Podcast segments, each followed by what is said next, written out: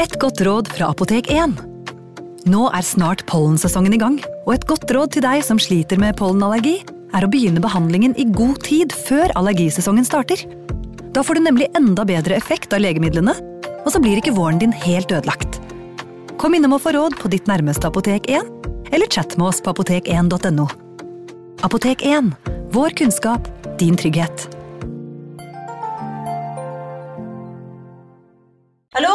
Jeg kommer fra Oslo politikammer.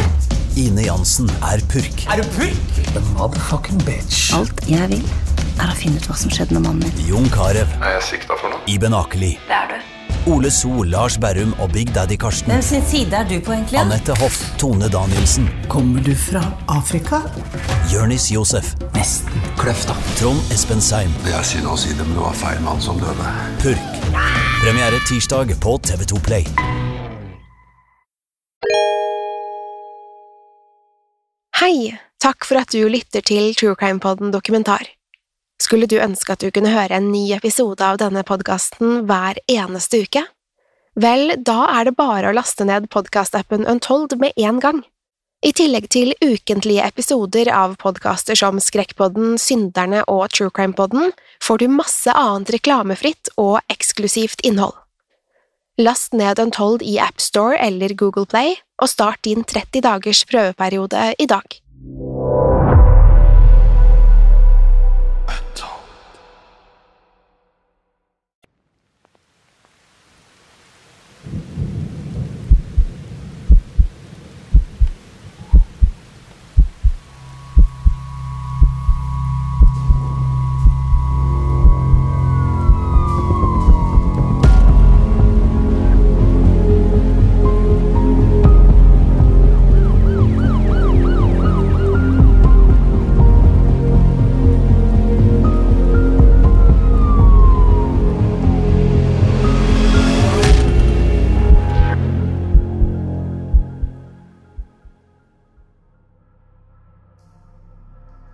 Sent om kvelden den 7. mars 2014 ankom mannskapet på Malaysia Airlines flight 370 flyplassen i Malaysias hovedstad Kuala Lumpur. Blant dem var kaptein Zahari Ahmad Shah, førsteoffiser Farik Abdulhamid og ti medlemmer av kabinpersonalet.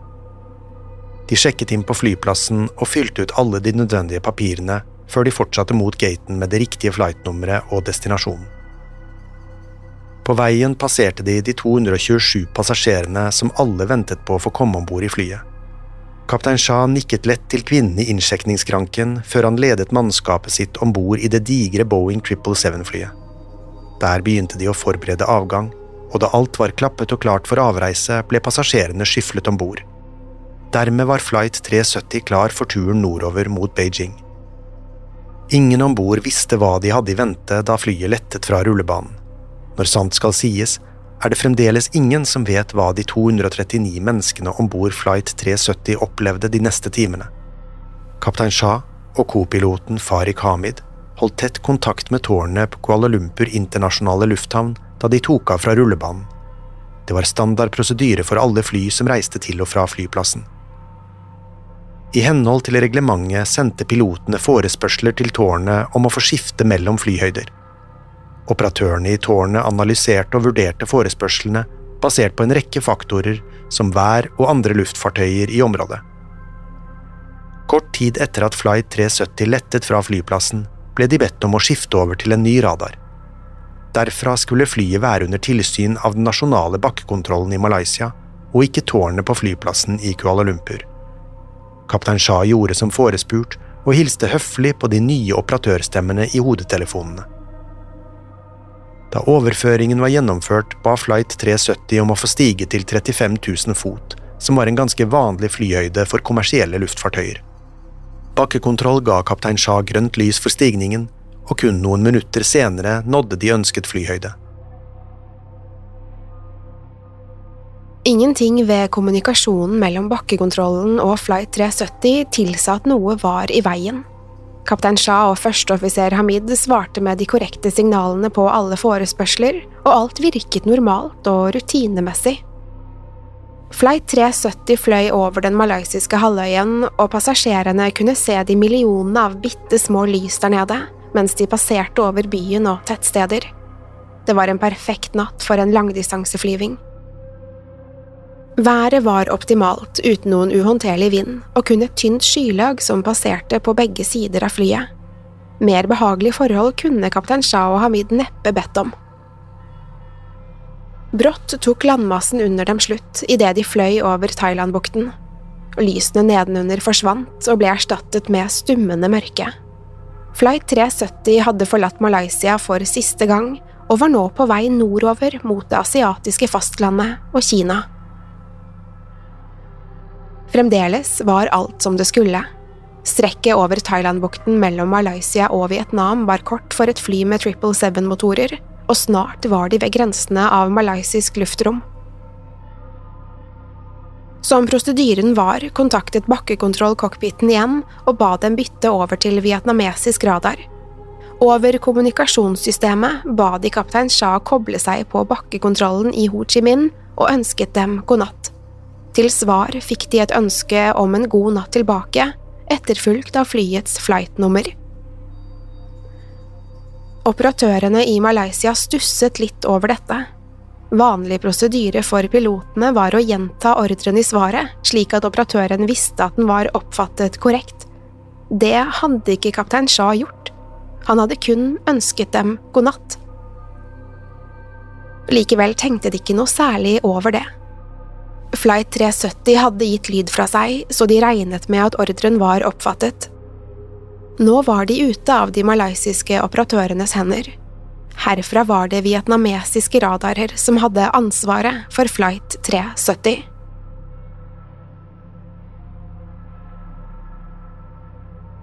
Klokken hadde nærmet seg 20 minutter over ett da meldingen om skifte av radar kom. Denne prosessen er helt vanlig i all form for luftfart. Så snart man har krysset grensen til et annet lands luftrom, er det det landet som har kontrollen på fartøyet. Et slikt skifte er vanligvis gjort på bare noen sekunder, men i noen tilfeller kan det ta et minutt eller to. Dermed var det ingen som reagerte da ett minutt gikk uten at vietnamesisk bakkekontroll hørte noe fra flight 370. Bekymringene kom først da enda et minutt gikk, så enda et. Da ventetiden begynte å bli lovlig lang, bestemte vietnamesisk bakkekontroll seg for å kontakte flyet selv. Det skulle likevel vise seg å være nytteløst. Malaysia Airlines flight 370 var ikke på riktig frekvens og var umulig å kontakte. De vietnamesiske operatørene så seg derfor nødt til å kontakte et annet fly som hadde vært i nærheten av flight 370. De ba piloten forsøke å få tak i kaptein Shah over en nødfrekvens, men heller ikke dette ga noen svar. Slik som det så ut, hadde Flight 370 mistet all kontakt med omverdenen.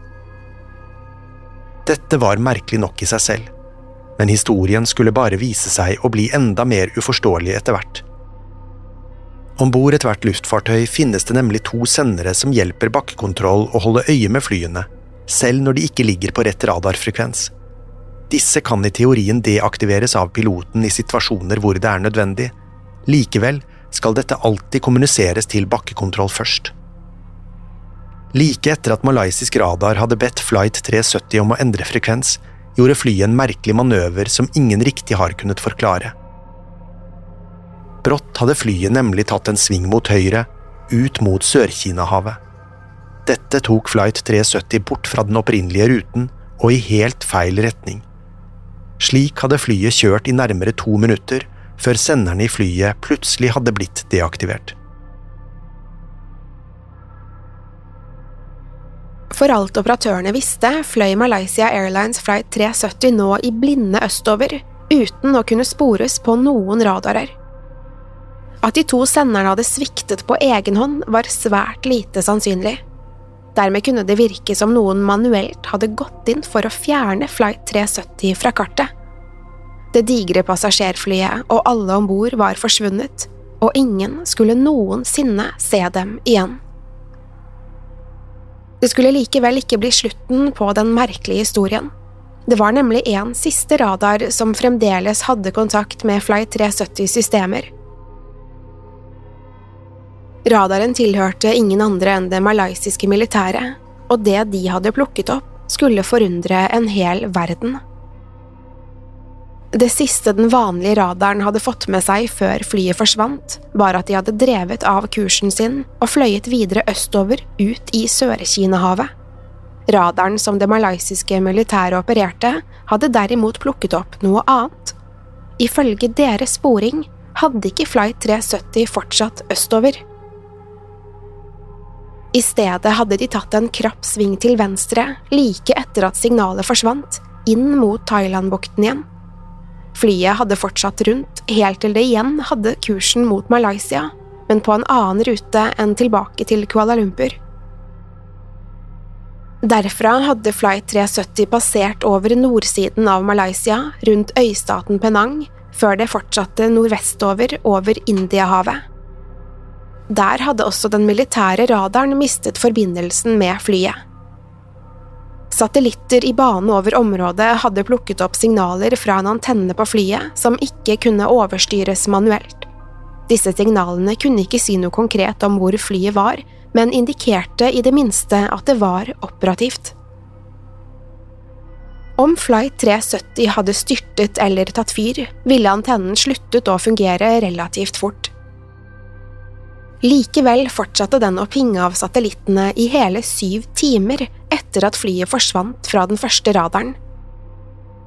Altså hadde det holdt seg i luften lenge etter at kommunikasjonssystemene sviktet, eller ble manuelt deaktivert.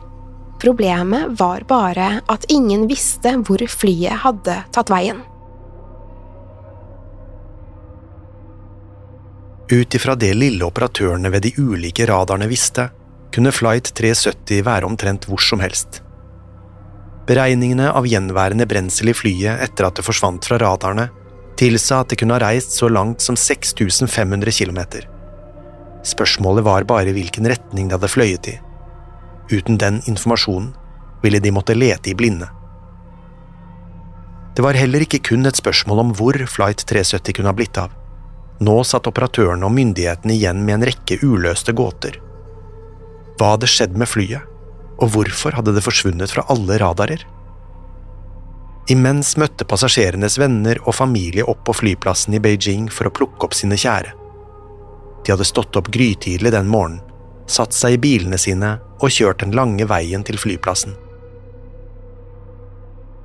Mødre, ektemenn, besteforeldre og kollegaer svingte inn på korttidsparkeringen og samlet seg i velkomsthallen. Da ankomsttidspunktet kom og gikk, uten tegn til passasjerene noe sted, dukket det opp en beskjed på de store skjermene på flyplassen. Flight 370 var forsinket, men det sto ingenting om når de var forventet å dukke opp. Dermed hadde ikke de fremmøtte noe annet valg enn å flytte bilene sine til langtidsparkeringene og smøre seg med tålmodighet. De ansatte på flyplassen hadde nemlig ingen anelse om hva som hadde foregått natten før. De visste ikke at Flight 370 hadde mistet alle kommunikasjonssystemer et sted over Sør-Kina-havet, og at ingen hadde hørt fra dem siden.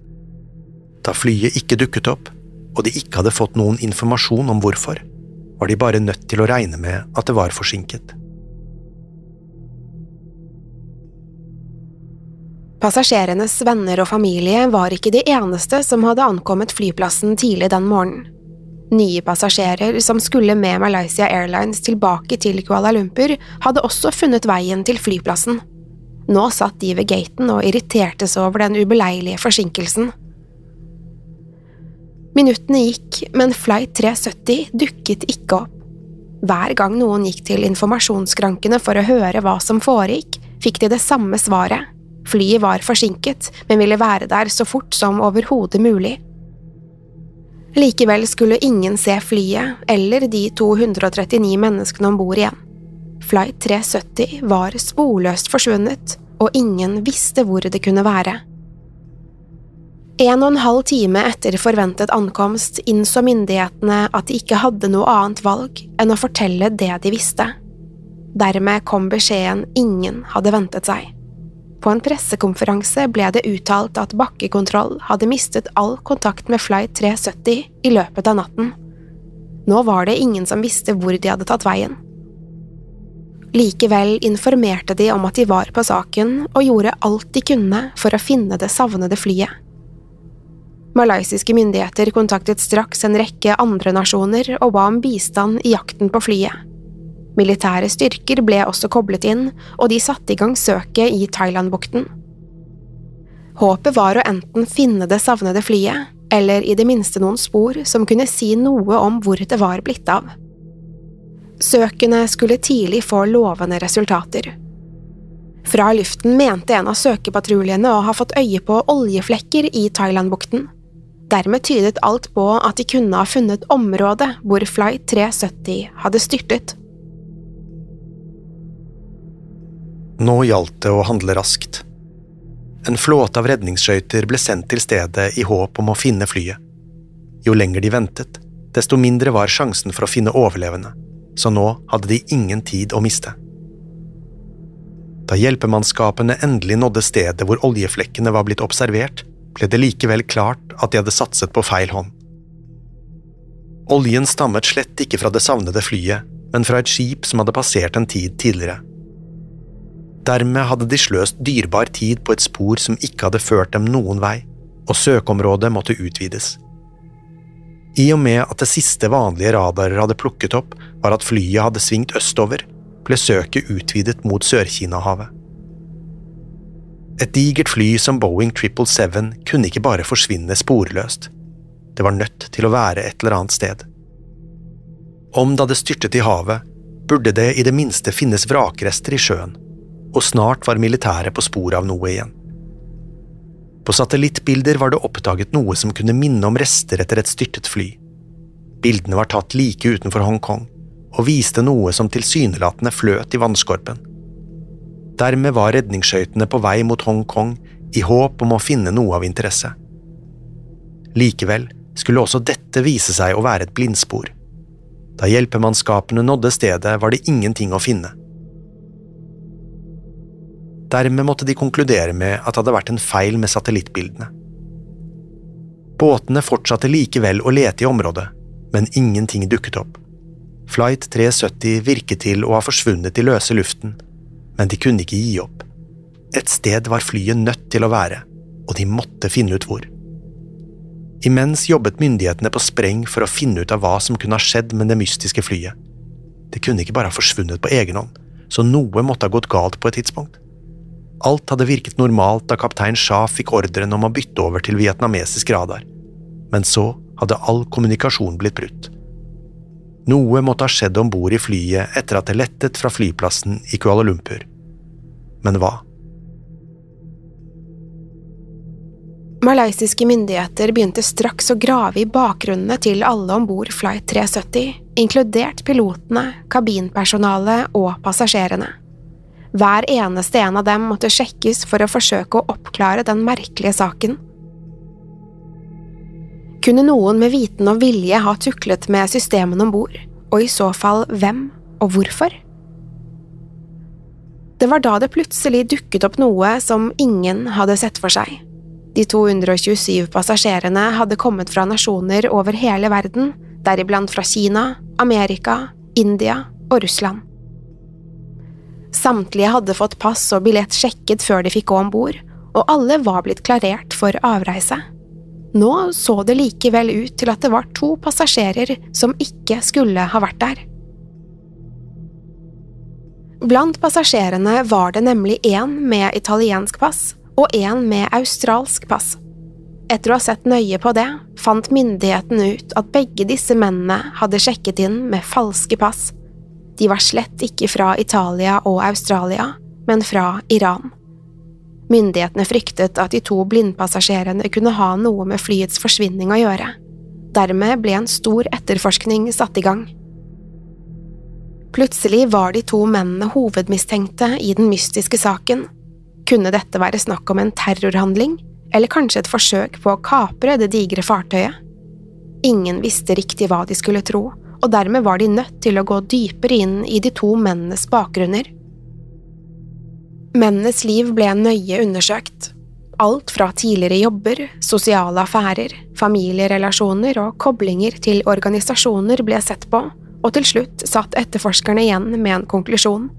Det var ingenting ved de to blindpassasjerene som la grunnlag for mistanke. Sannsynligvis hadde de to vært flyktninger på reise gjennom Malaysia og Kina før de skulle videre til Europa.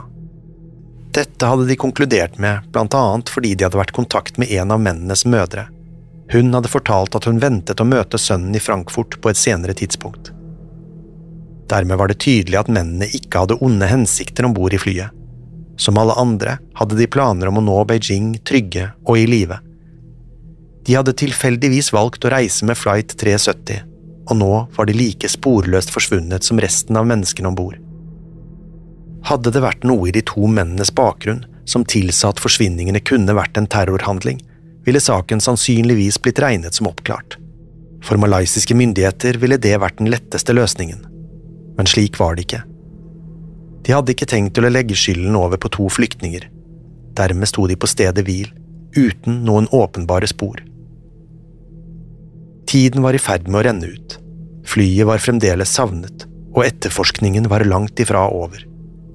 Et par døgn hadde gått siden den merkelige og uforklarlige hendelsen, men det var fremdeles ikke dukket opp noen konkrete beviser for noe som helst.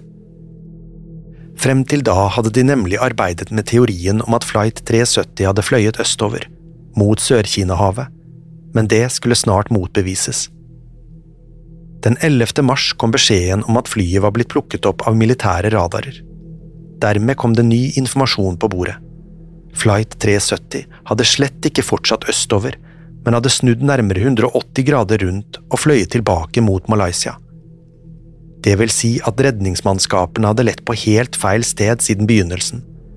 Med det ble det åpenbart at sjansene for å finne overlevende fra flight 370 var lik null. Det hindret likevel ikke myndighetene i å arbeide på spreng med den mystiske forsvinningen. Pårørende av de savnede menneskene om bord ventet på svar, og myndighetene var oppsatt på å finne dem. Dermed ble søket flyttet til Indiahavet, på vestsiden av Malaysia. Situasjonen for passasjerenes nærmeste var nesten uforståelig og bisarr, for ikke å snakke om tragisk. Ingen kunne skjønne at et helt fly bare kunne forsvinne på den måten, i alle fall ikke i vår teknologiske og opplyste tidsalder. Venner og familie samlet seg til og med på flyplassene i Beijing og Kuala Lumpur i protest. De var sikre på at myndighetene holdt tilbake informasjon. At flight 370 var sporløst forsvunnet, ga ingen mening for dem, og nå krevde de svar. Myndighetene satt igjen uten å kunne fortelle noe som helst, for de visste ikke noe mer. Flight 370s forsvinning var like mye et mysterium for dem som for alle andre, men nå var de i det minste på et nytt spor. Om flyet og de 239 menneskene om bord hadde styrtet over Indiahavet, burde det være mulig å finne noe. Scenen var nå satt for den største leteaksjonen i luftfartshistorien, og det var kun ett mål – å finne ut hvor Flight 370 var blitt av, og hva som hadde skjedd.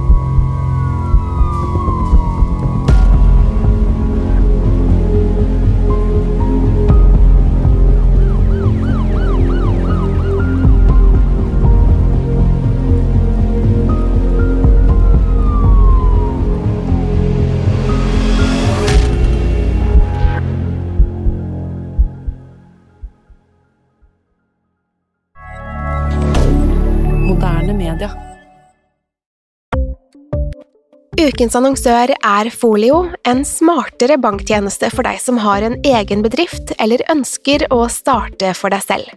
Folio er en superenkel nettbank for bedrifter. Som kunde i Folio får du en bedriftskonto med et bedriftskort og app. I denne appen er det smarte løsninger som forenkler regnskapet ditt, uansett om du har en liten bedrift eller et enkeltpersonsforetak.